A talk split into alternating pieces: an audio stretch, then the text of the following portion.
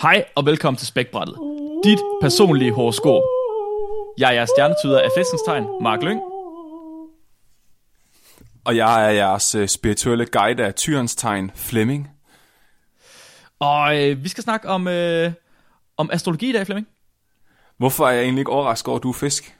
Ja, det ved jeg faktisk ikke. Måske fordi jeg er født i marts. Har det ikke noget, hvad det gør? Nå jo, det kan selvfølgelig godt være. Ja.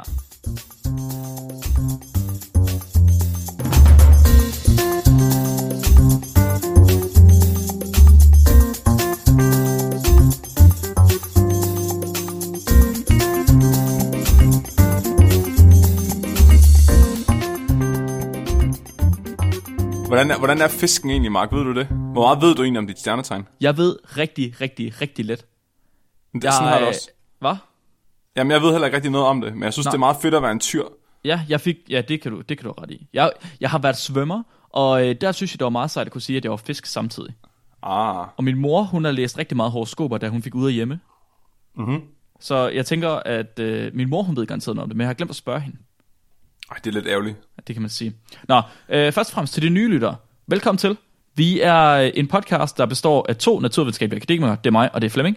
Og vi synes, at videnskab, det er for svært at forstå. Så øh, den her podcast her, den er til, for at vi kan bruge vores længerevarende uddannelse til at skære forskning i stykker, og så kan vi fodre det til jer. Ja, Og i dag, der skal vi fodre jer med astrologi. Og det kan godt være, at jeg, det kan godt være, jeg ikke Det ved føles- så meget om astrologi. Det kan godt være, jeg ikke ved så meget om mit stjernetegn, Flemming. Men til gengæld, så har jeg læst en fed artikel om astrologi, om stjernetegn. ja. og nu ved jeg men rigtig meget om lige præcis den artikel. Og til de nye lyttere, så bør det ikke komme for nogen overraskelse, eller som nogen overraskelse, at jeg har læst to artikler. Ja, fordi du skal altid være lidt bedre end mig, var Flemming. Fordi jeg er den dygtige. Ja, det er der også, ja, det, det er der slet ingen tvivl om. Bare. Du kommer aldrig for sent, og du har aldrig en undskyldning. og- Jeg er den gode dreng. Nå, øh, okay. Okay, men, men måske hvad? er folk lidt forvirret over, at øh, vi ser en videnskabspodcast, og så starter vi med at snakke om astrologi. Det kan jeg ikke forstå, du siger. Jeg vil bare sige til dem, der findes masser af videnskab om astrologi. Masser. Masser. Der er bare ikke noget videnskab i astrologi. Nej, men der findes masser af videnskab om astrologi. Altså, okay, så... Og, ja, I, I, I skal bare lige vide nu, at øh, i dag der får I en 100% ensidigt gengivelse af astrologi, og I kan ikke rokke med os, fordi Flemming og vi er begge to enige om, at astrologi det er pseudovidenskab. Astrologi, jeg har, jeg har det faktisk rigtig slemt, stramt med astrologi. ja, det er jeg klar over, du har. Det er klar over, du har. Flemming, inden vi lige går i gang, så øh, ja, i dagens anledning er, at vi sidder derhjemme, så skal jeg lige have mig en øl. Ej, Det er lang tid siden, vi har haft den lyd i spækbrættet. Ej. Så øh, skål til dig, skål til lytterne derude. jeg kan smage den gennem webcamet. Mm. Flemming, øh, hvad handler din artikel om? Ja, så jeg har en artikel med, hvor at der er nogle psykologer, der har prøvet at se på, om folk er i stand til at genkende deres horoskop, og om folk samtidig er i stand til at genkende øh, deres egen personlighed fra en personlighedstest. Ah, ja, ja, ja, ja. Perfekt. Og så har jeg en artikel, der handler om, om folk, der tror på det paranormale, også har tendenser til narcissisme eller ej. Ja. Mhm. Okay, okay, okay. Det er mega sejt. Og, øh, min artikel i dag, det er en statistisk undersøgelse for, om astrologi det virker. Så jeg har en artikel, hvor der er et hold forskere, der har lavet statistik på astrologers forudsigelser. Og Som de gætter rigtigt. Om de gætter rigtigt, lige præcis. Men Flemming, vil du ikke starte, fordi du har, du har noget erfaring med astrologi. Er det ikke rigtigt? jo, altså jeg har øh, øh, min forhenværende svigermor, ikke min nuværende svigermor, men min forhenværende svigermor, hun troede utrolig meget på astrologi. Mm-hmm. Og det gjorde hendes mor også, og hun var sådan overhovedet i familien, hende mormoren der. Mm-hmm. Og alting kom bare til at handle om en stjerne, altså alle samtaler blev bare drejet over på en stjernetegn hele tiden. Så uanset hvad jeg gjorde, eller hvad jeg sagde, så var det fordi, jeg var tyr. Ja, det er klart. Jamen, Og Flemming, hvis- du har sådan lidt, du, du har sådan lidt tyr over dig, det vil sige. Tak. Jeg, jeg kan ofte mærke på dig, at, øh, at du har meget tyre tendenser. Ja. Altså, jeg føler mig mere sådan gorilla-agtig, men det er nok, fordi mine overarm, de er så tynde, at jeg er blevet tyr i stedet Ja, for. ja, det må det være, det må det være. Øhm, ja, men det blev, åh, det blev altid sådan noget, øh, alting kom bare til, alting blev forklaret med stjernetegn, og det var også ligesom sådan en form for øh, sådan ansvarsfralæggelse, så hvis at nu der var nogen, der gjorde et eller andet, der ikke var okay i familien, jamen det er også bare, fordi han er skorpion, du ved. Det er, jo også svært. for, det er fordi, I er to tyre, så kan I bare ikke enes så godt sammen. Nej, Og- stop, stop, stop, stop, stop. Jeg synes, det var en meget, øh, det var en meget nem måde at komme til at, at, at, at have noget at bidrage med til samtalen. Ja, Uden sådan legit- legit at have noget sådan... ja, indhold. det, ja det kan du godt have ret i. Uh, men det er faktisk lidt sjovt, fordi at når jeg lige ser, hvad tyren den er, så er den rolig, stabil og tålmodig, men kan også være stedig. Og det, tålmodigheden her, Flemming, den synes jeg ikke helt, den passer på. Har jeg Prøv ret i lige, hvem har, hvem har siddet og lært sig selv at programmere? Hva? det? Okay, fair nok. Fair men, Men- nok. okay, men, du, men- Du, du vil bare ikke rigtig høre på din familie, når de fortæller dig, at du er tyr. Hvad? Så din familie sidder og fortæller dig, at du er tyr, og du sidder bare og himler med øjnene og synes, at det er noget forfærdeligt pjat. Jamen, ja, ja. Det er men ikke hvis særlig det- tålmodigt, hvis du spørger mig. Og det var faktisk lige et, et eksempel på Barnum-effekten. Nå, ja. Barnum-effekten er, at, øh, at folk oftere accepterer udsagn om sig selv, hvis de er positive. Er det rigtigt? Ja, Nej, det er sjovt. det er et psykologisk fænomen, man bruger til at forklare astrologi med. Så hvis du, hvis du får præsenteret to facts for dig, så hvis det ene fact er mere positivt, altså hvis, hvis factsene er positive, så vil du mere sandsynligt acceptere det positive fact end det negative fact. Ja, ja, ja, det kan jeg godt lide. Så det, kan var jeg et godt eksempel på Barnum-effekten, ikke? At du præsenterede noget positivt omkring mig, og så sagde du, det passer i hvert fald ikke, men så siger jeg, jo, det gør, fordi jeg er forfængelig, og jeg vil gerne have noget positivt Ja. yeah. passer om mig. Nej, det er sjovt. Ja. Nej, det er virkelig godt. Flemming, jeg sidder lige på horoskoper.net, og øh, så kan man gå ind på tyr, og så står der tyren og kærligheden. Og så kan jeg vælge tyr og fisk. Mm-hmm. Vil du høre, hvad den siger om tyren og fisken, hvis de Mhm. Vores, møder... vores par, og vi har jo lige fået hvis man taget Altså, kommer i et parbilleder parforhold? sammen. Det har vi nemlig. Tyr og fisk. Har du mødt en fisk og føler den første tiltrækning, så kan det være, at du har mødt dit livs kærlighed. Åh. Fisken har brug for en stærk støtte i sit liv, og du er den perfekte til at overtage den rolle. Med din lidenskab og fiskens sensualitet er der lagt op til et fantastisk forhold. Din høje arbejdsmoral og lyst til at spare op, så du kan betale for nogle af de goder, du ønsker i dit liv, fungerer også som en inspiration for fisken, som faktisk kan være noget doven. Jeg, vil- jeg synes, jeg synes, nu mig, kommer det. Kom at med det. den her godt, den er omvendt. Nej, nej, nej, jo, nej. det er den i hvert fald. Det er der slet det... Det- ikke tvivl om. Siger du, prøv, okay, hør, siger du, at du er støtten i forholdet, eller siger du, at jeg er doven? Begge dele. Hvad? Ja, begge dele. Ej, nu skal 100 du passe på. procent. 100 procent. Du sår mine følelser, Mark. 100 procent. Hvad, hvad, hvordan er fisken? Fisken. Så fisken er modtagelig, intuitiv og du er på følsom. den samme hjemmeside, tak. Men du er også opfindsom, fleksibel og foranderlig.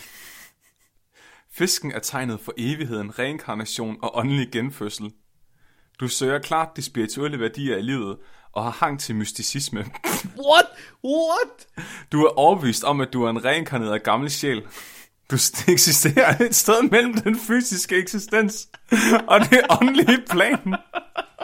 Og ved, at du aldrig vil føle dig helt hjemme i den virkelige verden. Fuck, det er for sindssygt, mand. Det passer virkelig dårligt på dig. Ja, det passer virkelig, virkelig dårligt for mig. Det var sådan den omvendte beskrivelse af dig. Tak, tak Flemming.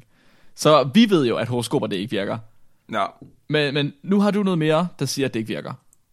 måske. Måske. Det. Det har jeg jo ikke sagt noget om. Så har jeg bagefter, hvis det er, du Nå. ikke kan... Det skal du ikke være bange for, Flemming. Det skal jeg nok finde ud af. Altså jeg vil bare lige sige, jeg vil lige afrunde den her, og så vil jeg sige til dig, du er det mindst mystiske menneske, jeg kender. Det er jeg ikke sikker på med kompliment. Du er, du er det mest lige... Okay, måske med undtagelse af min, øh, af min makker Mikkel, så, øh, så er du det mest lige til menneske, jeg kender. Det er jeg ikke helt sikker på, at jeg er glad for, for at du siger. Hvad Er du ikke betyder det? Hvorfor siger du sådan noget? Det er sådan, what er you jeg see aldrig is what you spontan? get. Kan du aldrig, kan du aldrig nogensinde finde noget mystisk i mig? Jeg vil gerne være den der, du ved, den der mørke og øh, mystiske type, sådan. Du ved, man lige spejder, man sidder inde på en mørk bar med røg over det hele, og så spejder man lige ud over baren, og så ser man mig, der sidder med en drikkevare, altså, som er ikke er en du- øl. Og så siger man, Sådan et glas mælk. Wow, wow, ham der, han drikker mælk. Kan vide, hvad der er gået galt i hans liv. Altså er du sådan Mal- Malfoy, eller... Jeg Malfoy? ved, nej, What? ja. Han er Altså sådan som i lidt Harry myst- Potter, eller hvad? Ej, han er ikke så mystisk. Han solo måske. Ja, det er måske, ja, ja, han solo, det er meget med mig. Ej, du er mere... La- for mig, der er du, øh, der er du læger. Ej, det irriterer mig lidt. Nå. Men sådan er det jo. Det kan man jo ikke gøre noget Så, ved. så, så gør det op. I det mindste er du ikke doven. True. Så den første artikel, jeg har læst, den hedder Science vs. The Stars. A double blind test of the va- validity of the new five factor inventory and computer generated astrological natal charts. Åh, oh, det er langt. Kan du oversætte det? Ja, så det er øhm, en test af, om den her Neo 5-factor øhm, psykologitest, man bruger til at klassificere folks personlighedstyper i, i ægte psykologi, at den kan folk identificere sig et svar for den bedre, end de kan identificere et horoskop om dem selv. Så hvis nu du for eksempel får præsenteret en hel masse tilfældige horoskoper, mm-hmm. kan du så pinpoint, hvad for et, der passer til fisken? Ah, Og, hvis, og hvis, du nu får, pin- hvis du nu får præsenteret en hel masse forskellige psykologiske tests, altså resultat, resultater af personlighedstests, Ja. kan du så identificere den, der passer på dig bedst. wow, okay. Ja. ja. Så det er simpelthen for, f- øh, fordi, at der er tidligere er lavet nogle studier. Så det her studie er fra 2008, og det er lavet øh, på Connecticut College af Alyssa Jane og Stuart Weiss. Og de vil prøve at disprove nogle tidligere pa- undersøgelser, der blev lavet. Så tidligere har man prøvet at sammenligne sådan nogle psykologiske personlighed til, personlighedstests mm-hmm. med uh, astrologicharts, og så har de faktisk fundet ud af, at folk hverken kan identificere deres rigtige astrologiske øh, forudsigelse, men, eller deres personlighed fra en personlighedstest. Okay. Og jeg tror lidt, at det er tænkt som en kritik af de her personlighedstest, man bruger i psykologi. Ja. Fordi de er også meget, de kan virke meget generaliserende, og de er også, altså hvad kan man sige, de kan ligesom skifte efter, om du har en god eller en dårlig dag, ikke? Altså det er sådan, der, er- de er sådan lidt fluffy. Ja, uh, true. De vil se, om det egentlig er tilfældet. Så de, er- de siger, at de her tidligere tests, der er lavet, der har folk simpelthen fået for mange valgmuligheder. Okay. Så oddsene for, at du gætter rigtigt, har været meget, meget lave i forvejen, og derfor har det virket som om, at de Men... Men- var negative. Men i... Hvad? Nej, stop. Okay, den. Ideen er ikke, at du skal gætte rigtigt. Ideen er, at du skal kunne udpege den. Ja, Så des flere valgmuligheder du har, des bedre, fordi så er der større sandsynlighed for, at du ikke bare rammer dig selv med en tilfældighed. Men man kan så også sige, at hvis der er for mange af dem, så ender det med, at så bliver der for lidt forskel på dem. Nå, men så kan man jo sige, så kan man jo, okay, så kan man tage den, som passer på personen, og så kan man sige plus minus 5-agtigt. Ja, Så de her fem, de ligner hinanden rigtig meget. Så hvis han vælger en af de, han hun vælger en af de fem, så må det have valgt sig selv. Eller hvad? Er det mig, der er dum? øh, nej, men så, så skal du også virkelig være god til at identificere. Mm. Din pers- altså det er det, de mener, at, at, at, at ideen med det er egentlig meget god, men statistisk set, så, så, så, så gode kan man måske heller ikke forvente, de er. Nej, okay, jeg kan godt se det. Ja, så de siger, at øh, først så de, de har en ret grineren indledning i det her paper, så de skal jo ligesom forklare baggrunden for det her studie, hvor de også snakker om de tidligere studier, der er lavet, men så siger de, at astrologer tror på, at positionen af stjernerne og planeterne ved ens fødsel er afgørende for ens personlighed. Ja, Psykologer placerer den her afgørelse ni måneder tidligere ved ens undfangelse, fordi det, de mener, at det er afgjort via ens genetik. okay. Ja, Ja, øh, så det de gør, det er, at de præsenterer nogle studerende for det her universitet for øh, The Big Five-testen, som er øh, en personlighedstest, man bruger, som ligesom kategoriserer din personlighed i fem dimensioner. Og det er openness, conscientiousness, conscientiousness consciousness. nej, conscientiousness, conscientiousness. Hvad? Hvad betyder det? Åh, oh, gud, det er en tongue twister. Øh, det handler om, om du bruger meget tid på at forberede dig, om du øh, færdiggør vigtige opgaver med det samme, om du fokuserer på detaljerne, om du ah, godt kan lide at okay, have okay, okay. Øh, skemaer. Så basically, om du laver overspringshandlinger eller ej. Ja, Okay, jeg er med. altså, ja, base, ja, base, ja, groft Jeg er sagt, med, ikke? Flemming. Videre, videre, Ja. videre. Så er der extraversion, om du er udadvendt, agreeableness, om folk er meget enige med dig, og neuroticism. Ja. Og Neuroticism, det er, om du er sådan prone til stress og, eller deprimeret, altså nedtrykthed. Nå, er det? Det var jeg faktisk ikke klar over. Jeg troede faktisk, når man var neurotic, så var man sådan nærmest narcissistisk. Øh, altså neuroticism i den her sammenhæng, det handler om, øh, Deprimerer, øh, ja.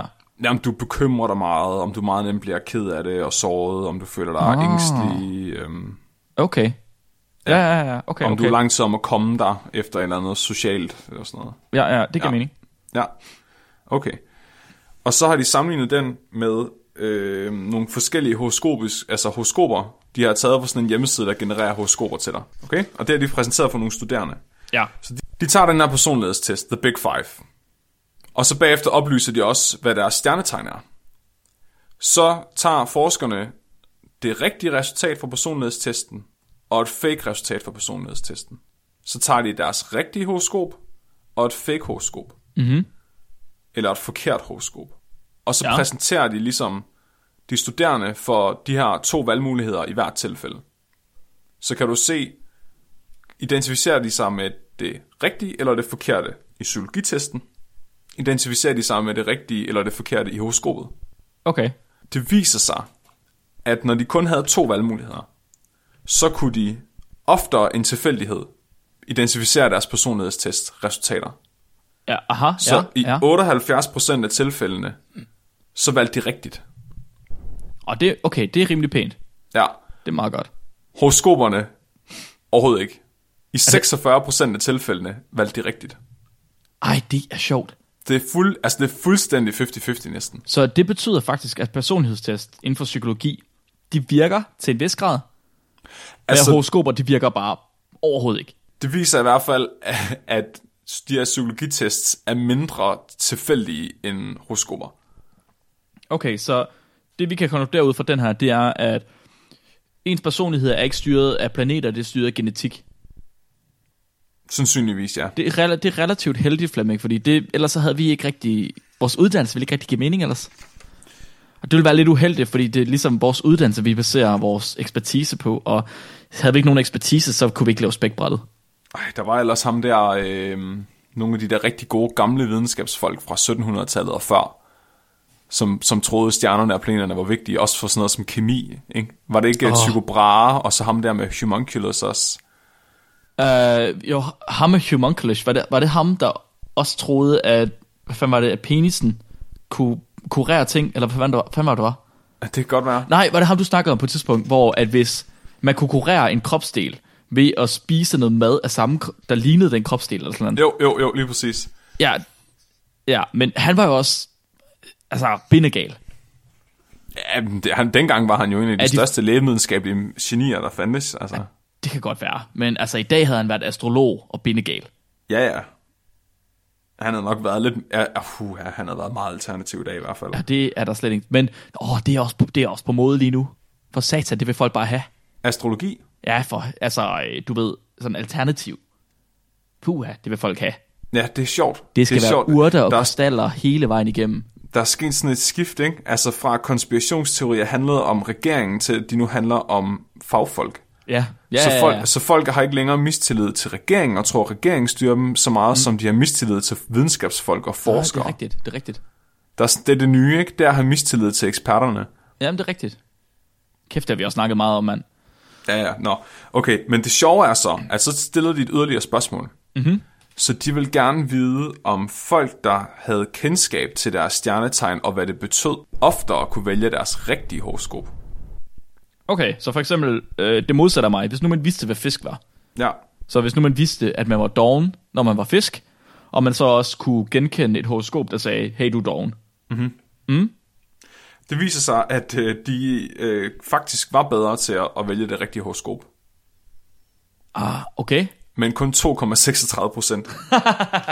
men det er stadig signifikant. Hold kæft, hvor er det dumt. Ja. Øhm, Hold kæft. hvor- Så selv folk, der kend, selv folk, der kender deres horoskop, de kan ikke engang finde ud af at finde deres eget horoskop. nej, Ej, nej, nej, nej, nej, nej. altså det, var, ja, jamen, det er virkelig sjovt. Og Astrologi så, så... er bare en kæmpe joke, altså det er for sindssygt.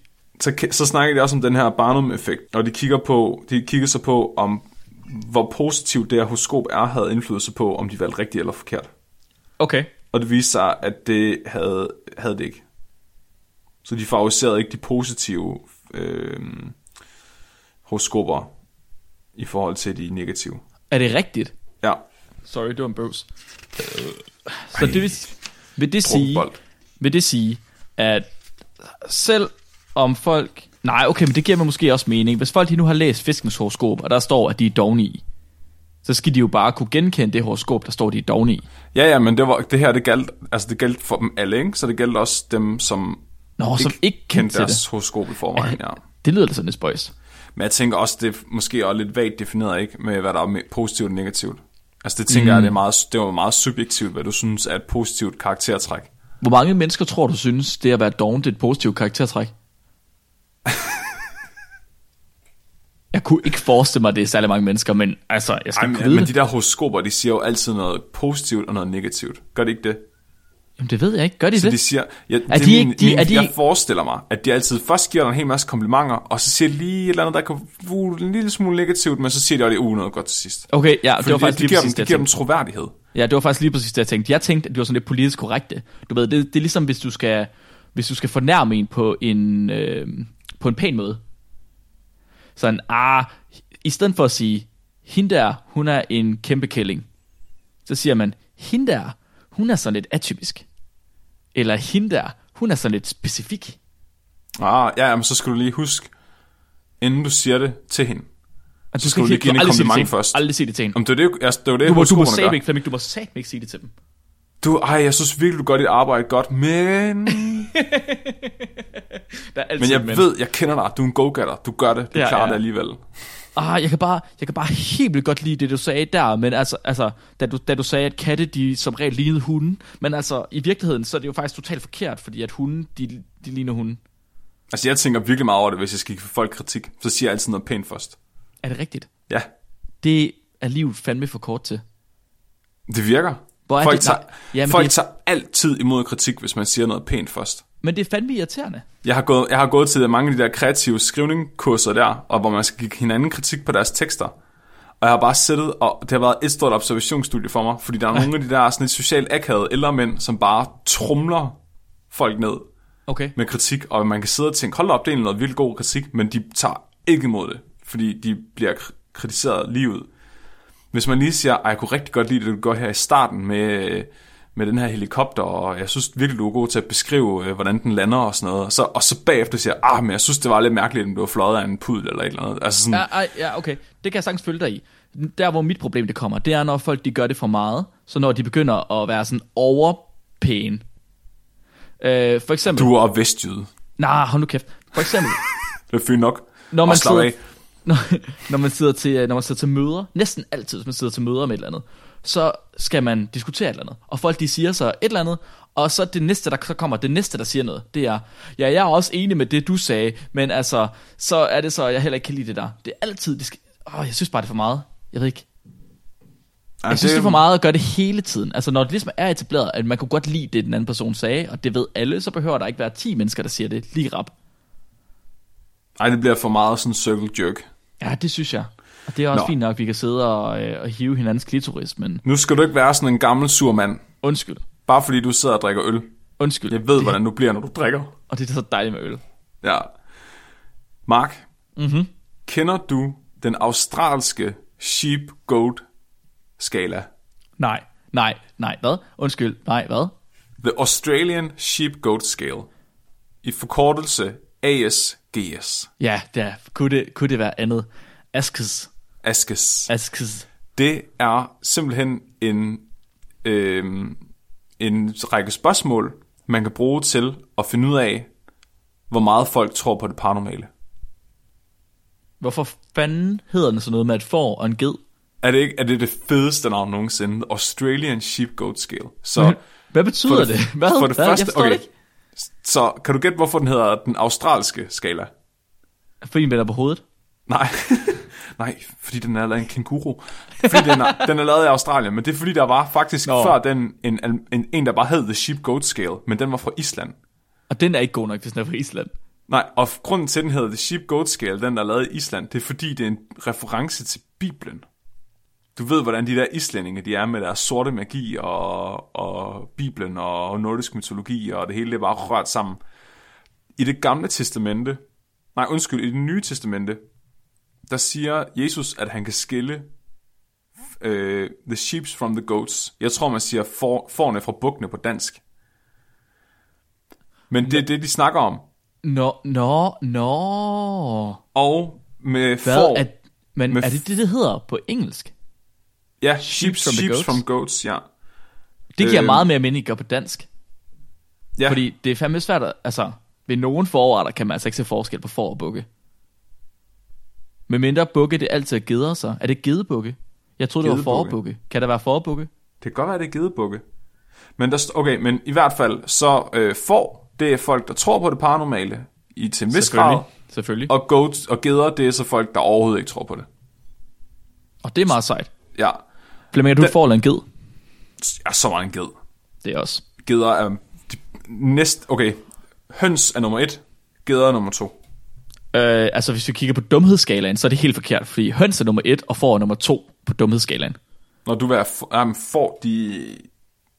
Okay, undskyld, jeg det er kigger- faktisk jeg- forkert. Jeg, jeg, jeg ki- ja, Mm. ja, faktisk forkert. Får er dummere end høns. Nu, sk- nu snakker vi ikke mere om det.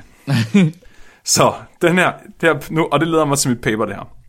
Så, Narcissism and Belief in the Paranormal af Chris Rowe og Claire L. Morgan. Det er en artikel fra øh, University College UK, n- Ja. øh, Northampton, Ja, og den er fra 2002.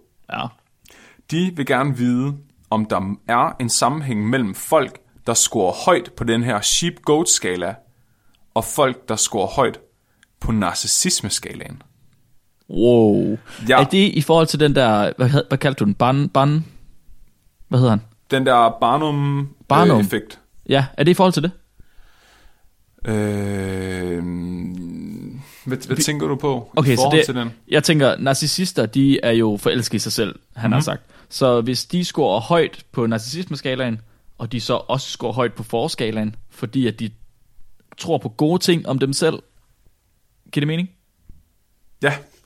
Ja, men det er faktisk rigtigt nok, fordi de siger, at øh, narcissister, de folk med øh, mange point i narcissisme, folk, der Mhm. mm-hmm. ligger højt på narcissismeskalaen, de har oftere tendens til at fantasere, og de har ofte høje tanker om sig selv.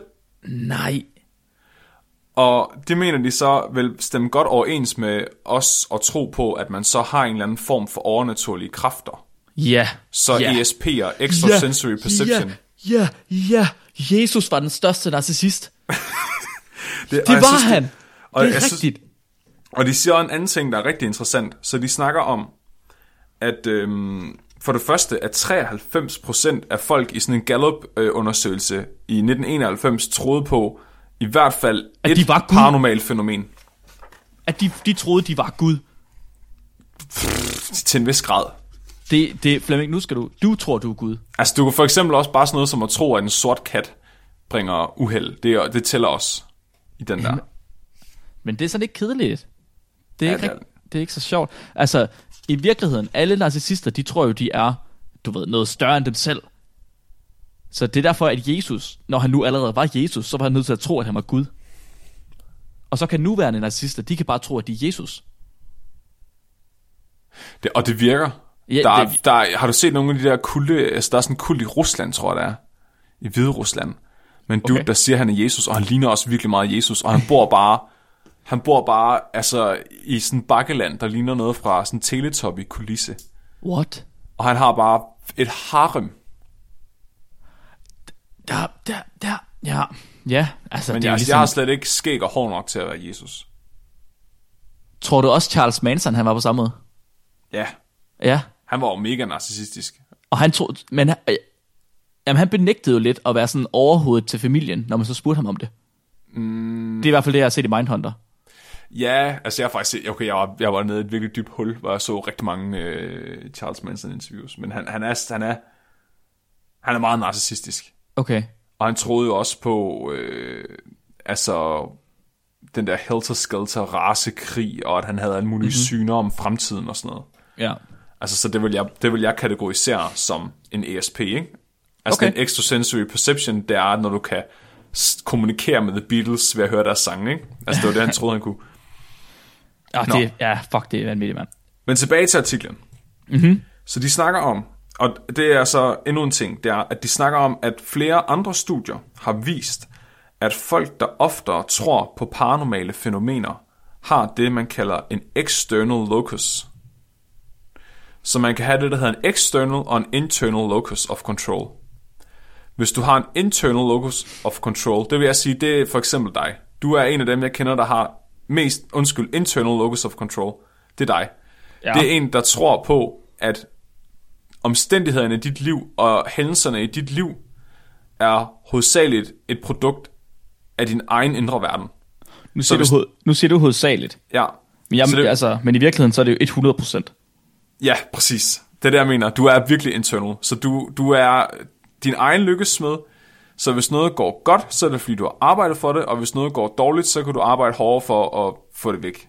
Altså, du har en følelse af, at du har kontrol over, hvad der sker i dit liv. Right? Det, uden at lyde narcissistisk, så vil jeg sige, det er rigtigt jo. Ja, altså, fordi der, du er en af dem, jeg kender, der har det mest sådan. Okay. Øh, så er der den anden ende af spektret, eller den anden version, det er external locus of control, og det er, at hvis tingene går dårligt, så er det ikke din egen skyld. Så er det, åh, så, øh, så er det også bare trafikkens skyld, og så er det, fordi din bil er dårlig, eller så er det, fordi at din chef ikke kan lide dig, og det er også bare, fordi du ikke er lige så god som de andre, eller det er, fordi de har nemmere ved det, eller du ved, alle de der undskyldninger. Mm-hmm. At hele verden er imod dig. Det er en external locus of control. Det vil sige, at din verden bliver styret udefra. Okay. Og det giver så også mening, at folk, der tror på paranormale fænomener, de har oftere external locus of control. Aha. Så de føl- og hvis du har external locus of control, så føler du dig også ofte magtesløs. Fordi så har Ja. du jo lige pludselig ikke kontrol over dit liv på samme måde, som hvis du har internal locus. Nej, men- nej, det giver altså super god mening, synes jeg. Ja, så de føler, at verden er imod dem, og de kan ikke, de kan ikke finde ud af at navigere i livet på samme måde. Så derfor vil de oftere tro på paranormale ting, fordi det giver dem en følelse af kontrol. Og okay. Okay. det vil så igen for eksempel være astrologi, at du ved at kende dit horoskop eller dit stjernetegn kan leve derefter, og så er der nogen udefra, der s- ligesom guider dig. Ja, ja, ja. Ja, ja, ja. ja. Det, gi- ja det giver mening. Det giver super ja. god Ja. mening. Okay. Og så viser det sig så selvfølgelig, at narcissister også tit har external locus of control. Så de tror på, at det er, altså, hvis der er noget, der går dårligt, så er det i hvert fald ikke deres egen skyld. Er det rigtigt? Ja, Nå, det er faktisk lidt sjovt. Fordi jeg har faktisk... Okay, nu ikke fordi det her skal blive til en, øh, en time med psykologen, men jeg har faktisk øh, nogle gange gået og tænkt sådan, at jeg måske selv var lidt narcissistisk. Men det kan være, at folk... At, du ved, man går altid og tænker et eller andet om sig selv. Sådan, øh, man har altid lidt tvivl om, hvad man i virkeligheden er, eller hvordan man er, eller et eller andet. Der har jeg nogle gange men jeg tænker tror, på, om jeg tænker for meget på mig selv, og kan lide for meget mig selv, til at jeg måske er lidt narcissistisk. Men det kan også være, at det bare er, at alle mennesker i virkeligheden er lidt narcissistiske. Øhm, nej, men jeg tror, du skal passe på, hvad, med, altså, om du bruger narcissisme i sådan hverdagsudtryk øh, udtryk eller i øh, s- sådan psykologisk sammenhæng. Okay, men det kan godt være. Fordi, nu, nu er jeg lige at slå op. Så narcissisme er, at du aktivt søger øh, validering for andre. Altså, at du vil gerne, øh, at du har sådan et egoistisk selvbillede af dig og dine egenskaber, Okay, Som... som gør, ja, som gør også, at du for eksempel er arrogant. Øh, Ja. Jeg ved også, øh, at narcissister, de oftere vil udnytte folk. Altså, så narcissister, de baserer deres sociale relationer på, om de folk, de øh, er sammen med, kan give dem noget. ah, okay, ja. Altså, så, så øh, jeg vil for eksempel, hvis jeg nu mødte en, der var elektriker, s- og jeg er narcissist, så ville jeg sørge for at blive gode venner med elektrikeren, for at elektrikeren kunne arbejde gratis for mig. Mm, selvfølgelig. Hvis elektrikeren så siger, det gider jeg ikke mere, så vil du så stoppe det venskab. Ja, okay. Så jeg tror ikke, du skal, jeg tror ikke, du skal, øh, du skal ikke blande det sammen med selvtillid, for eksempel. Nej, okay.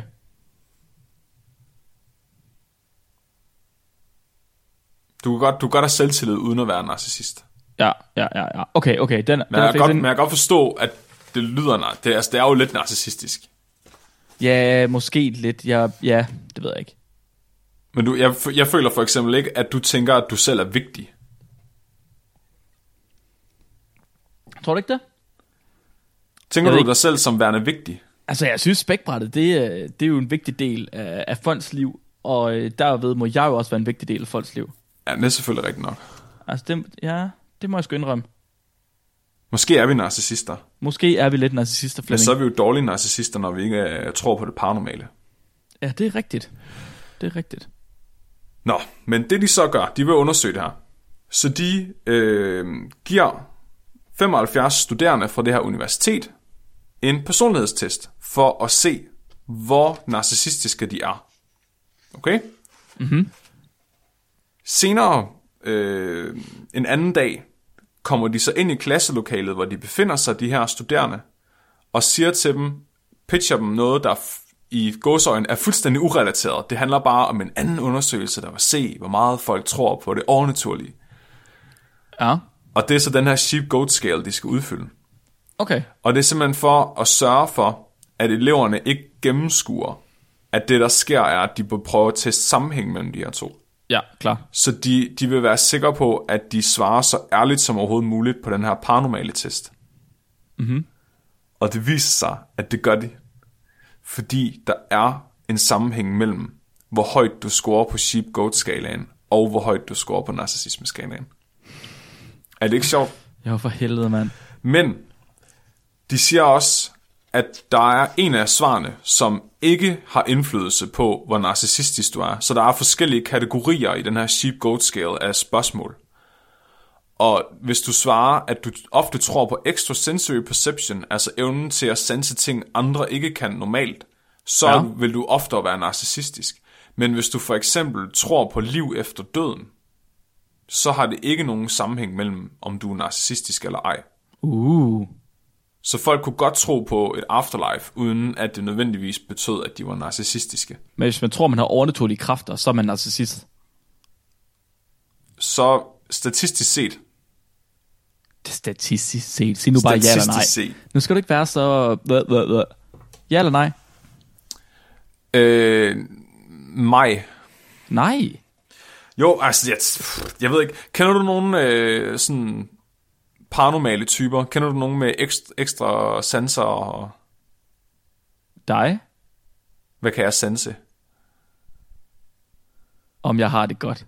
Åh, det hedder Åh. oh. empati, Mark. Åh, fuck. det er det ikke glemt. Undskyld. ja, men det, var så, men det var måske også en form for extra sensory perception, fordi det er der jo mange, der ikke har. Em- empati? Ja, Så Undskyld, selv der er mange, der ikke har det. ja empati. Er der mange, der ikke har det? Ja, det er en rimelig stor procentdel faktisk. Ah, hvad? Altså psykopater for eksempel. Jo, jo, jo, men hvor mange psykopater findes der? Jeg i tror verden? det, jeg tror Det det, kan er ikke være mere en end- stor procentdel, og det kan ikke, altså... Jeg synes, jeg har hørt et rimelig højt, højt tal øh, en gang på psykopater faktisk. Ah, det lyder vanvittigt. 1% af, øhm, af verdens befolkning er psykopater. Er det rigtigt? Ja. Det lyder altså fuldstændig sindssygt. Og fire, og op til 4% er sociopater. What? Ja, men jeg tror, sociopater, de har vist empati. Nej, Ja, ja, de, ja, ja, ingen, af det- dem har, ingen af dem har empati. Nå, okay. Jeg kunne ikke... ja. ja. Nå, fuck. Det er vanvittigt, Flemming. Prøv lige øh, opsummering så. Hvad er konklusionen på de her to artikler? Så konklusionen er, at folk kan ikke forudsige, at folk kan ikke se forskel på deres eget og andres horoskoper. Mm-hmm. Og det er jo selvfølgelig, fordi de er skrevet på en måde, så de appellerer til alle, Klart. men specifikke nok til, at de virker personlige. Til gengæld, så kan de godt genkende deres eget svar fra en personlighedstest, eller deres eget resultat fra en personlighedstest. Mm-hmm. Hvilket indikerer, at i hvert fald The Big Five personlighedstesten, fra, altså som man bruger i psykologien, er mere nøjagtig end tilfældig. I det andet studie, der finder de så ud af, at hvis du... Folk, der har... Altså, folk, der tror på extrasensory perception eller andre paranormale fænomener, oftere har tendens til at være narcissistiske, end folk, der ikke gør. Astrologi bliver ofte forvekslet med astronomi, men det er altså ikke det samme. Godt nok så arbejder begge felter inden for planeter, måner, stjerner og andre himmelske objekter, men det betyder altså ikke, at de er to sider af samme mønt. Astrologi, det er ikke en videnskab. Vi sagde det lige før, og nu siger vi det igen, og jeg kommer til at sige det rigtig, rigtig mange gange, for det er virkelig vigtigt for mig, at I forstår det. Astrologi med ellet og givet er ikke en videnskab. Astronomi er, men astrologi er ikke. Fordi for at noget kan være en videnskab, så skal det være baseret på hypoteser og på påstanden, der er klart defineret, og som kan testes og afvises. Og ikke nok med det, så skal de øh, godtagelser og afvisninger også kunne testes og valideres eller afvises. Og det kan man ikke med astrologi. Fordi selv når to astrologer de skal gengive det samme horoskop, så kan deres tolkning variere. Vi så det lige før, da Flemming, da du snakkede om, at folk de ikke engang kunne genkende deres eget horoskop. Ja. Det er det samme med astrologer. Astrologer kan ikke engang med det samme horoskop finde den samme tolkning, altså den samme person ud fra det. Nå. Det, det, det er helt vanvittigt. Så det er ikke reproducerbart. Nej, lige præcis. Og ikke nok med det, så er deres forudsigelser langt fra præcise, og de er umulige at afvise. Okay, et eksempel for eksempel. Der er en astrolog, der siger, du har måske engang mødt en, der hedder noget med J, som for eksempel John, eller Jonas, eller Jupiter. Og så kan man sige, altså det har jeg ikke. Og så kan astrologen sige, siger du til mig, at du aldrig har mødt en person, der starter med J? Jeg tror, at du forveksler astrologer med, med, sy- med synske. Det kan godt være. Men om ikke andet, det er cirka det samme. Ja. Ja, Og ja. de kan også sige sådan noget som personligheder, du havde den før. Du er som regel glad på en tirsdag. ja. Ja, og det er umuligt at afvise. Hvordan skulle du afvise, at du som regel er glad på en tirsdag? Det kan man slet ikke. Nej, skulle eller jeg der vil nogensinde- ske noget nyt for dig på torsdag. Hvordan skulle jeg kunne afvise, at jeg er doven? Altså, nogle gange er jeg doven, nogle gange er jeg ikke doven. Det er jo meget forskelligt. Right? Det er fuldstændig umuligt at afvise. Det, er, men det sørger også for, at det er vagt nok til, at det kan, altså, at det, altså, hvis du gerne vil have det rigtigt, så er det rigtigt. Lige præcis. Præcis ligesom klaverjanter, som var det, jeg havde med til at starte med måske. Øh, så vi har fået indsendt en artikel af Magnus. Øh, det er faktisk grund til, at jeg overhovedet har det her tema i dag. Magnus han har sendt en artikel ind, der hedder A Statistical Test of Astrology. Og den er lavet af nogle indere øh, i 2009. Og før vi går i gang med den her vidunderlige artikel, tusind tak Magnus, det er en formidabel artikel. Men før vi går i gang med den, så er vi lige nødt til at få noget på plads. Fordi vi har snakket statistik tidligere på spækbrættet, men vi har altid lyttet lidt, som om vi ikke kan lide det, eller ikke kan finde ud af det, eller begge dele. Men det er også lidt sandt det hele på én gang. Og, med, og så samtidig så passer det ikke helt, vel? Fordi statistik, det er til for de seje børn, og Flemming og mig, vi er de populære drenge i skolegården. Så øh, tag lige og hop med i vores fangelej, og så kan I også blive en del af de populære børn. Fordi, som sagt før, videnskab går ud på at teste og afvise hypoteser. Det er alt det, man gør. Man finder på en hypotese, og så tester man den for at se, om man kan afvise den. Det gælder ikke om at få valideret sin egen hypotese. Nej, jeg prøver at bevise den. Lige præcis. Det er s- definitionen på pseudovidenskab. Lige præcis. Og en hypotese, en hypotese det er det, som folk de ofte tror en teori er. Så en hypotese kunne for eksempel være, Flemming går i for korte bukser.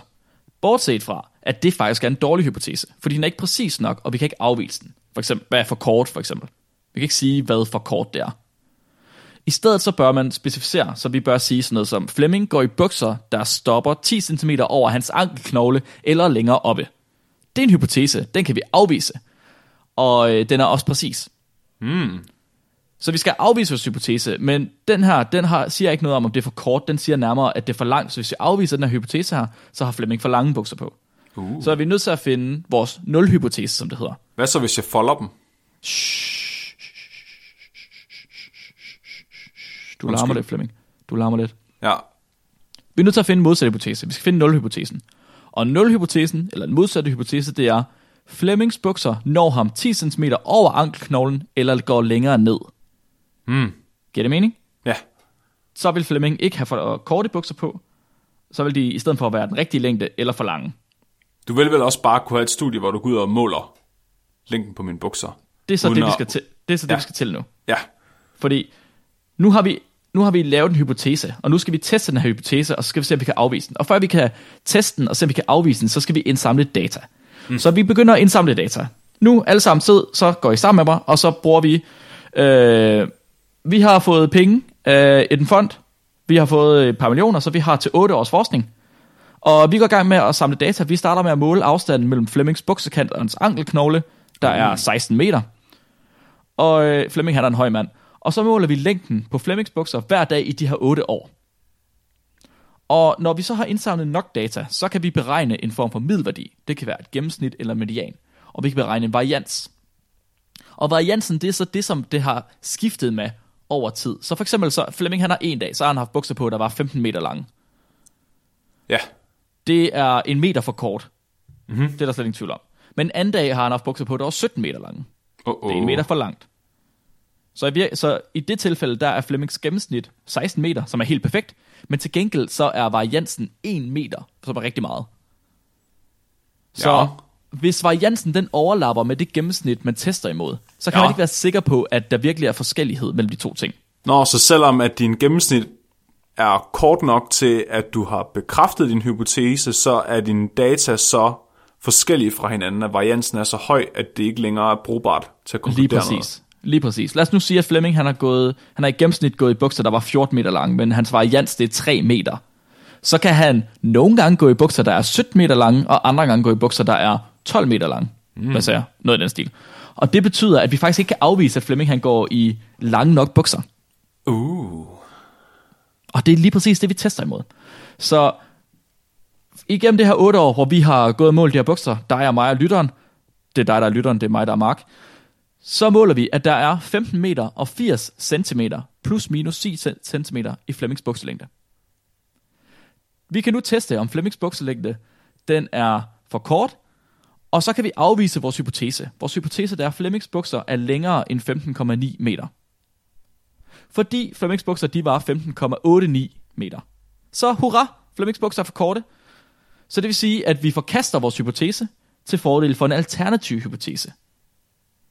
Den alternative hypotese, det er så, at Flemmings bukser, de er kortere end 15,9 meter. Og det er statistik. Jeg sidder og kigger på mine bukser nu. Hvor lange er de, Flemming? Jeg, har, jeg, jeg er faktisk over mine ankler lige nu. Jeg har, Er de faktisk, det? jeg har en lineal lige her, jeg kan lige kigge. Uh, Jeg vil sige, øh, de, uh, her, men nu er det også fordi, jeg folder benet. jo. 16 6,5 cm over ankelknoglen lige nu. nej, der kan I, bare- der er, det er faktisk... Hold da op, det er faktisk... Uh, det er ikke engang for kort ved, i forhold til vores hypotese her. Nå, Det kan vi ikke have. jeg kan lige Nå, folde det- den noget mere. Ja, det er en god plan. Det gør vi. Og så, det man som regel gør, det er, at man putter en form for sandsynlighed på, og hvorvidt man vil kunne nå, opnå det her resultat, altså den her datamængde, vi har ved en tilfældighed. Og det kalder man en p-værdi, og det taler vi ikke om. Fordi så får vi skæld ud. Så, artikel. I Maharashtra i Indien blev der tilbage i 2009 lavet en statistisk undersøgelse for at finde ud af, hvor præcist astrologi er. Så i Indien, der var der et hold forskere, der indsamlede fødselsattester fra 100 kloge børn i godsøjen, og 100 retarderede børn i kloge øjne. Hey, i godsøjen. hvad? Retarderede og jeg må børn? Godt, og jeg må godt sige retarderet den her gang, fordi i artiklen står der mentally retarded. Nej, kan du se, man Jo. må sige det. Så det må man godt. Man må godt Det sige er åbenbart retarderet. simpelthen... Ja, det er åbenbart Men det er fordi, det er på dansk. Nå, men det er fordi, det er på dansk. Nej, nej, nej, nej, det her, det står på engelsk i den her artikel. Og ved du hvad, ikke nok med det, så Hvorfor står må... der, Det, at det er snyd, når definition jeg har- ikke må sige retarderet på podcasten, og du må. Ja, det er, f- det, det, sådan er det, Flemming. Det er der ikke Jeg noget at gøre censurerer dig bare alligevel. ved. nu får vi se. Øhm, ja, så kun censurerer mig, ikke censurerer dig. God idé. Så astrologer, de påstår, at de kan vurdere menneskers intelligens ud fra deres horoskop. Så det vil sige, at når astrologer får lov til at kigge på et horoskop, så kan de sige, at det her er et klogt barn, eller er det et retarderet barn. Det Nej, hvem... okay. mener Okay, de selv, at de kan. hvem, kan du se, hvem af os, der skulle være klogest så? Men jeg er jo ikke astrolog. Fuck. Men vi kan prøve at sende vores horoskoper ud til en astrolog, Flemming. Du, du kan... Er det så sådan Hvem noget scorede, med- høj, hvem scorede højst i mindstetesten? Hold nu kæft. Var det ikke mig? Hold nu Et kæft. point, ikke? også? Et point. Jeg kan ikke... hu- Det er ikke lige meget, Mark. Vi taler ikke om det. Jeg jeg var- jeg fik 134, du fik 133 eller sådan noget. Ah. Ej, det var dejligt. Det var rigtig dejligt. Så vi Jeg kan jo fik, se jeg om... fik, jeg fik faktisk nu, nu vi fik, jeg fik 135, og du fik 136. Var det sådan, det var? Er du så glad? Åh, oh, det er dejligt. Det er jeg rigtig glad for. Det er jeg rigtig, rigtig glad for. Du havde et rigtigt svar mere end mig. Ej, det var så smukt. Åh, oh, det varmer helt ind i hjertet. Det gjorde en vestjyde glad. Så, okay, så efter at de har samlet de her øh, fødselsattester fra de her 200 børn, så fik de så dannet horoskoper, fordi heldigvis så var en af forskerne selv astrolog et par år i forvejen. Og det de så gjorde, det var, at de blandede de her 200 horoskoper, og så sendte de dem ud til 51 astrologer. Og hver astrolog fik så 40 tilfældige fødselsattester, og så skulle de vurdere, hvilken gruppe, klog eller retarderet, hvert barn hørte til. Og der var så 27 astrologer, der sendte deres vurderinger tilbage, og her har vi så endnu et eksempel på en hypotesetest, ligesom jeg havde før. Mm-hmm. Fordi vores indiske helte, de sagde som deres nulhypotese, altså den, der skal testes, at succesraten ville være 50-50. Det vil sige, at astrologerne ville ikke være meget bedre end et et, et flip med en mønt. Nej. Ja. Hvis man afviser vores nulhypotese, så er det til fordel for en alternativ hypotese, som siger, at de enten er bedre eller dårligere end 50-50. Mm-hmm. Og her kan man så argumentere for, at for at astrologerne vinder, så skal de være bedre end 50-50. Mm-hmm. Og så de her gutter her, de laver sådan noget, øh, noget statistik, hvor de så tager højde for, hvad i Jansen, der må være i forsøget, for at det ikke er tilfældigt længere. Så det vil sige, selvom 20 ud af 40, det er 50-50, så vil 21 ud af 40 ikke være signifikant nok. Altså det vil ikke betyde, at de er gode nok til, at det ikke er tilfældigt. Okay. Giver det mening? Ja. Okay, så efter at de ligesom havde taget højde for den her varians her, så viste det sig, at astrologerne de skulle have mindst 28 ud af 40 rigtige, før at de ikke bare vandt ved en tilfældighed. Nå. Ja, fordi der var så mange muligheder. Lige præcis. Der var ikke bare to muligheder, ligesom i det studie, jeg havde med. Jo, altså de kunne jo sige rigtigt eller forkert, kan man sige. De, ja. Ja. kunne, sige, ja, de kunne sige klog eller retarderet. Men de skulle have 28 ud af 40 rigtige af de her fødselsattester eller horoskoper. Nå, på den måde. Giver det mening? Så ja, Ja, hvis nu ja, ja. de havde 20 fødselsattester rigtige og sat dem på det rigtige horoskop, Ja. så er det tilfældigt, ikke? og så er det 50-50. Hvis de har 21 rigtige, så kunne man i virkeligheden argumentere for, at det ikke er en tilfældighed længere. Men fordi at der er noget varians i eksperimentet, så er de nødt til at skal op af 28 rigtige. Mm. Yes, lige præcis. Så efter en hård statistisk analyse, så viste det sig, at astrologernes succesrate gennemsnitligt var 17 en kvart horoskoper, de fik rigtigt ud af 40. Det er fandme dårligt. Det er fandme dårligt. Tager man højde for variansen, så er det en lille smule dårligere end et kast med en mønt. Det er træls. Så astrologer er en lille smule dårligere end et coinflip. En til at finde ud tilfældighed. Af, en tilfældighed til at finde ud af, om børn de er kloge eller retarderede. Ja. Den bedste astrolog fik 24 ud af 40 rigtige, og det er stadig ikke bedre end tilfældigt. Det er træls. Og nu kommer det sjoveste, Flemming. Nu kommer deres konklusion. Så det, de skriver, de her indere, de skriver, vi synes selv, at vores test har stillet et velfokuseret spørgsmål, og at astrologerne ikke kunne finde nogle tvetydigheder i deres fortolkning af opgaven. Mange astrologer kiggede på deres succesrate, selv ved lavere end 50% succes, og så det som et testamente på deres forudsigelsesevner. Vi Hva? var nødt til at forklare dem, at man først rigtig kan forudsige ting, hvis man har over 70% succes i denne test med dette antal testpersoner.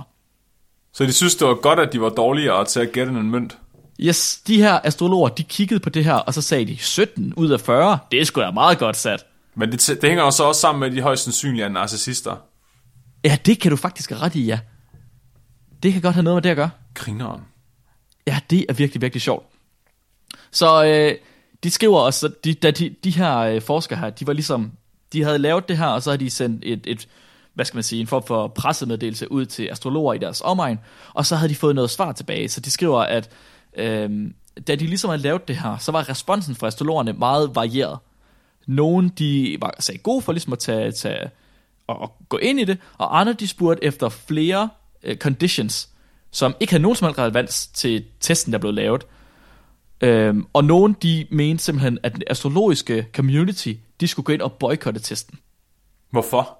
Fordi at de, de var, for, altså selvfølgelig fordi de var bange for, at det viste, at astrologi det ikke virkede. Ja, ja. Det er klart, det var derfor. Ja. Og øh, så forskerne, de gik så ud, og så mødtes de med mange af de her astrologer her, i- individuelt, og de var også med til et seminar, hvor de så forklarede, hvad det var, testen var, hvad testen skulle, og at den var objektiv, og hvad det overhovedet var, de kiggede på, og der var ikke noget som helst. Altså, at, at de var sikre på, at der ikke var noget, der ligesom var, var sat op, eller øh, du ved, f- øh, bestemt på forhånd. Ja. Og så fik de også sagt til astrologerne, at de ville gerne... Uh, we also pointed out that if the astrologers wish to claim that the subject was a science, then they need to face such tests. Oh, Så burn. for- Ja, så for at de her astrologer de kunne få lov til at sige, at de lavede videnskab, så var de nødt til at være op til sådan en test. Ja. Så selvom generelt set, at der var positiv respons på det her, så var der en del af de førende astrologer, som simpelthen trak sig ud af testen. Ej, hvor sjovt. Så da de havde sendt, altså til at starte med havde de jo sendt den ud til rigtig, rigtig mange forskellige astrologer. Og øh, så fik de så det her respons tilbage, de ville faktisk ikke.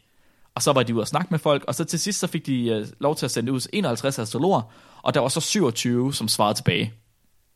Nej. Jo, simpelthen. Ej, det er sjovt.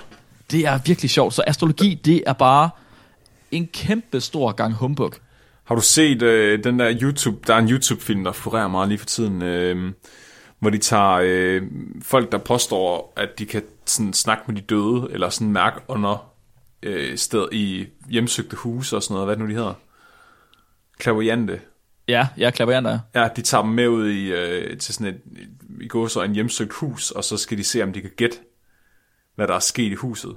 Hvad? Og, og så ligger de en fake historie op om, hvad der er sket i huset.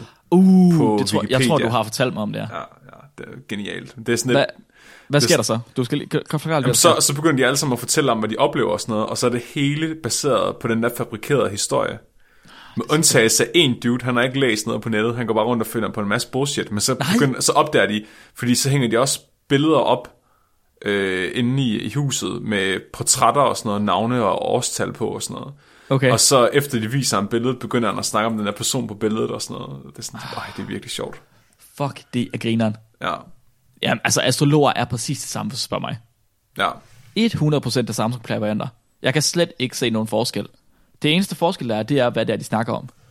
Klaverjanter, de snakker om døde mennesker, og astrologer, de snakker om personligheder Ja, og retarderede børn, Ja. åbenbart. Ja. Men jeg tror, jeg tror, øh, jeg tror, klaviante, de tjener flere penge end astrologer gør. Ja, det går Jeg godt tror, der forestille er, jeg tror, der er flere, der bliver tiltrukket af at være klaviante for pengenes skyld. Jeg tror mere folk, der er astrologer, de bliver tiltrukket af, af, af at være interessante, altså valideringen i det. mig. Og så deres narcissisme. Ja, Ja. Så det at være astrolog, det er det samme som at være narcissist. ja. Er det, vi siger. Men jeg tror, også, jeg tror heller ikke, du finder nogen astrolog, som ved, at personen laver noget, der er fup, men du finder altså klaviante, som godt ved, at det, de laver er fake, men som bare træner teknikken. Det er, vildt. det er simpelthen for vildt. Det er simpelthen dybt, dybt åndssvagt. Så, øhm, Flemming, har vi mere? Øh, nej, altså, jeg har, jeg har fået dækket, hvad jeg vil tale om. Super. Vil du ikke bare klippe den her pause ud, så, fordi så går vi bare videre til øh, Frederiks spørgsmål. Jo, Okay, så øh, vores konklusion på astrologi, det er, at det er noget humbug, ligesom vi sagde til at starte med. I skal fandme ikke tro- stole på astrologi. Horoskoper er løgn. Men I må godt lige, hvis I nu ser noget sjovt i et horoskop, så lige send det til os. Det kunne være meget sjovt. Kunne det ikke være meget sjovt, Flemming? jo. Altså, Ja. ja. jeg tænkte på, Mark, øh, hvordan har din dag egentlig været? Min dag den har været stille og rolig. Hvad med på arbejdet? Hvordan har den været der? Ja, men det var okay. Altså, jeg har, jeg har været lidt i lab, og så lavede jeg en figur for, for Sergi, og Men Hvordan gik det i lab? Øh, al- altså sådan semi, tror jeg. Mit PCR, den virkede ikke. Men no. Nå, gik det bedre? Følte du, det gik bedre for nogle andre i lab, måske? det, altså, det måske... Jeg, øh, jeg har ikke snakket med så mange andre i dag. Fisken, onsdag den 18. i 9. Du har stor succes på jobbet og i livet generelt i øjeblikket. Og det kan godt give anledning til jalousi og konkurrence. Det kan godt være, at der er nogen, der vil gøre dig kunsten eftermark. Var der nogen andre, der lavede PCR? Ja, det var der. Tag Henrik det som en gjorde. kompliment, og lad, det ikke, lad dig ikke provokere af det. Havde- Var der nogen, der havde booket PCR-maskinen? Ja, Der kan bare se konkurrence. Annette, Annette havde booket PCR-maskinen, og så lavede hun en PCR, der virkede. Jalousi og konkurrence, Mark. Åh oh, nej, åh oh, Og nej, åh succes på jobbet, ikke? oh, nej. Jamen, okay, så jeg tror, at succes på jobbet vil jeg nok hellere tage med spækbrættet. Ja, ja, der var bare se. Ja. Der, Ej, der er sgu noget om snakken, du. fuck. Fuck Flemming. Fuck, fuck, fuck, fuck, fuck. Det er noget rigtigt lort. Flemming, vi har fået et, øh, et spørgsmål fra en lytter, fra Frederik, Fra lytteren Frederik. fra lytteren Frederik. Og Frederik, og forresten, inden da, øh, tak Magnus for artiklen, det var super, super fedt. Det, øh, vi elsker at få artikler, så endelig send os nogle flere artikler, hvis vi har nogen. Og nu til Frederiks spørgsmål. Frederik han spørger, hvad er déjà vu, og hvorfor? Flemming, hvad er déjà vu? Har du nogensinde oplevet déjà vu? Øh, ja, det har jeg. Ja. Men jeg du tror, jeg huske sim- det? Øh, nej, noget det, det er specifikt? mest bare sådan nogle tilfældige tidspunkter, når man, når man står og snakker med nogen, og så ved man bare, hvad de vil sige. Ja. Men jeg tror simpelthen bare, det handler om, at jeg omgiver mig med nogle meget forudsigelige mennesker nogle gange. ja, det tror jeg måske, du har ret i. Ja. Ja, altså, er, er det mig, du hentyder til igen? Det synes jeg Nej. ikke er fair. Nej, nej, det, det synes var jeg ikke det, jeg sagde. Hallo? Det synes jeg ikke er fair. Det var overhovedet ikke forudsigeligt, den reaktion. Du er, du er kraften så ondt, du er. Jeg tror, Nej, jeg er doven. jeg tror, at déjà vu, det er en måde at se ud i fremtiden på. Så det, jeg tænker, det er, ja. Ja. at når der bliver født en ny person på samme dag, som man selv er født, så får man lov til at kigge ud i den persons fremtid. altså den, der er blevet født, og Mhm. så mm-hmm. oplevet noget af deres liv. Og nogle gange, så er det fedt. Det er for eksempel, hvis du har købt en ny høne, Flemming. Uh. Så oplever du, at du købte en ny høne igen. Det er Man fedt. køber jo ikke sine høns, man laver Hold, dem. hold nu kæft. Andre gange, så er det knap så fedt. Og det er altså, når man oplever at have tabt en hotdog med en mur af remoulade og øh, blandet med ketchup, og så ned af sin yndlingsskjorte til Flemmings fødselsdag. Og så er der heller ikke flere syltede agurker, og det, det er bare ikke så fedt. Nej, Og Som jeg skal nok déjà vu. købe flere syltede agurker næste gang. Ja tak, det, det er bare, det er en rigtig kedelig déjà vu. Det vil jeg godt have lov til at sige. Nej, jeg tror måske, det er noget, man har oplevet i et tidligere liv. Ja, det siger folk. Det ja. Ja. siger folk. Det tror jeg. Folk de siger også, det er, at det er en, det er en glitch i, i ma- Matrixen. Ja. Og Flemming, hvis dit kommende afkom, det bliver født på min fødselsdag, Mhm. mm-hmm. så skal jeg nok fortælle dig, hvad, det kom, hvad jeg kommer til at opleve. Åh gud, får jeg et fiskebarn. Måske, måske Det er mit kan barn du stå- fisk. Ja, det gør den. Måske kan du stoppe en ulykke, før det er for sent. Flemming. Flemming. Tænk lige over det. Tænk lige over det. Måske kan jeg redde dig fra, at, fra at dit barn tager, tager ecstasy. Eller Altså- vælter en ko. Er det rigtigt? Åh, oh, det, er det en ulykke? Du må, du må sgu ikke vælte køer, Flemming. Hvorfor? Det har vi altid fået skæld ud for. Man, man må simpelthen ikke valgte kør, fordi de kan ikke komme op og stå igen. Åbenbart. Det er jo det, der er det sjove. Det, jamen, så dør de jo. Tak fordi, øh, at I vil høre på os snakke om astrologi. Vi har lært jer rigtig meget i dag, og det er der bare ikke noget øh, at sige til, fordi at vi er så kloge, som vi er. Næste uge, det bliver det vores sidste engelske afsnit for den her gang. Så vi kommer muligvis til at lave nogle specialafsnit med engelske gæster, men vi har simpelthen valgt at, at, fokus, at fokusere på det danske, fordi vi synes selv, at det er på det danske, at vi, vi, vi har det bedst og er mest komfortable, og det er der, vi laver det allermest interessante videnskab, eller i hvert fald fortæller om det. Så øh, det er det sidste engelske afsnit for den her gang på, øh, på næste tirsdag. Og hvis I har idéer til, hvad vi kan snakke om, hvis jeg har nogle grinerende emner eller nogle artikler, så må I meget gerne sende dem ind til os på spækbrættet snabelag.gmail.com Og det er stadig med gammeldags spæk. AE. og I må, gerne, I må meget gerne stille spørgsmål, og det må helst være åndssvage spørgsmål, fordi I skal ikke være i tvivl om, at I får et åndssvagt svar. Altså, ja, hvis I spørger om noget seriøst, så det, det kan jeg godt glemme alt om. I får et åndssvagt svar alligevel. I får et åndssvagt svar. Øh, så det næste engelske afsnit, det kommer til at handle om træning og fitness, og det kommer ud den 1. oktober. Det næste danske afsnit, det kommer til at handle om love og retssystemer, og det vil så være ude den 8. oktober. Og hvis I skulle have misset vores opslag her i sidste uge, som er den her uge for mig og Flemming, så er vi nu dukket op på Podimo, som er den her nye podcast-app ting. Og vi er faktisk, ikke nok med det, så er vi faktisk blevet anbefalet af redaktionen som videnskabspodcast. Og øh, nu, Podimo, det er noget, man betaler for til at starte med. Man kan også gøre det gratis, og spækbrættet, vi bliver selvfølgelig ved med at være gratis. Men hvis I lytter til spækbrættet gennem Podimo, selv hvis I lytter gratis, tror jeg, så falder der en lille skilling af til os, og så kan vi lave endnu bedre radio til jer. Begynder vi at Flemming? få penge, Så, får vi, så kan vi få penge for det. og så kan vi købe øl. Øh, og så bliver det et meget bedre show. I kan hente Podimo-appen på App Store og Google Play, og så øh, skal I bare hoppe ind på Podimo-appen, og så skal I finde spækbrættet, bare ved at søge. Så skal I lige subscribe, give os fem stjerner, og s- fuck, så bliver vi bare glade. Mm-mm-mm. Så bliver vi bare glade. Flemming, vil du sige tak til folk, der har, øh, der har delt os? Ja, tak fordi, at I har delt os på Facebook, og synes godt om os på Facebook. Tak fordi vi har fået så mange nye likes på Facebook. Det er rart. Det er rigtig rart. Vi har også det der Instagrams der. Uh, ja, altså- det er, vi, det er vi lige begyndt på. Det er dig, der styrer det, Mark. Ja, det er så. Øh, specifikt så vil jeg godt sige tak til Tenna, Helene, min mor, Magnus for artiklen, og så til øh, Stål, Studenterradioen, for at lade os være en del af deres netværk. Så øh, Stål har en masse lækre podcasts, I kan finde, og der kan I bare søge på Stål SDU Studenterradio på jeres podcast-app, så finder I det. Alright, så tror jeg, vi er ved at være færdige, Flemming. Jeg har en ny ting, jeg godt vil til at gøre, når jeg slutter showet af. Og øh, det er simpelthen at slutte af med en dyrefakt. Uh. Så her kommer den allerførste dyrefakt nogensinde. Flemming og lytterne vidste I, at capuchinaber de tisser på deres hænder for at vaske deres fødder. Er det ikke nemmere bare at tisse på fødderne? Shh, de tisser på deres hænder for at vaske deres fødder. Det er fordi, at tissemanden kan ikke nå ned til fødderne. Og så tisser de på hænderne i stedet for, fordi det er meget nemmere, så kan man tage tisset i hænderne og så ned på fødderne. Åh, så kan du også ja, knuppe dem i det. Det er jo smart. Mit navn det er Mark, og øh, du har lyttet til Spækbrættet. Mit navn det er Flemming, og du har lyttet til mig. Husk at være dum.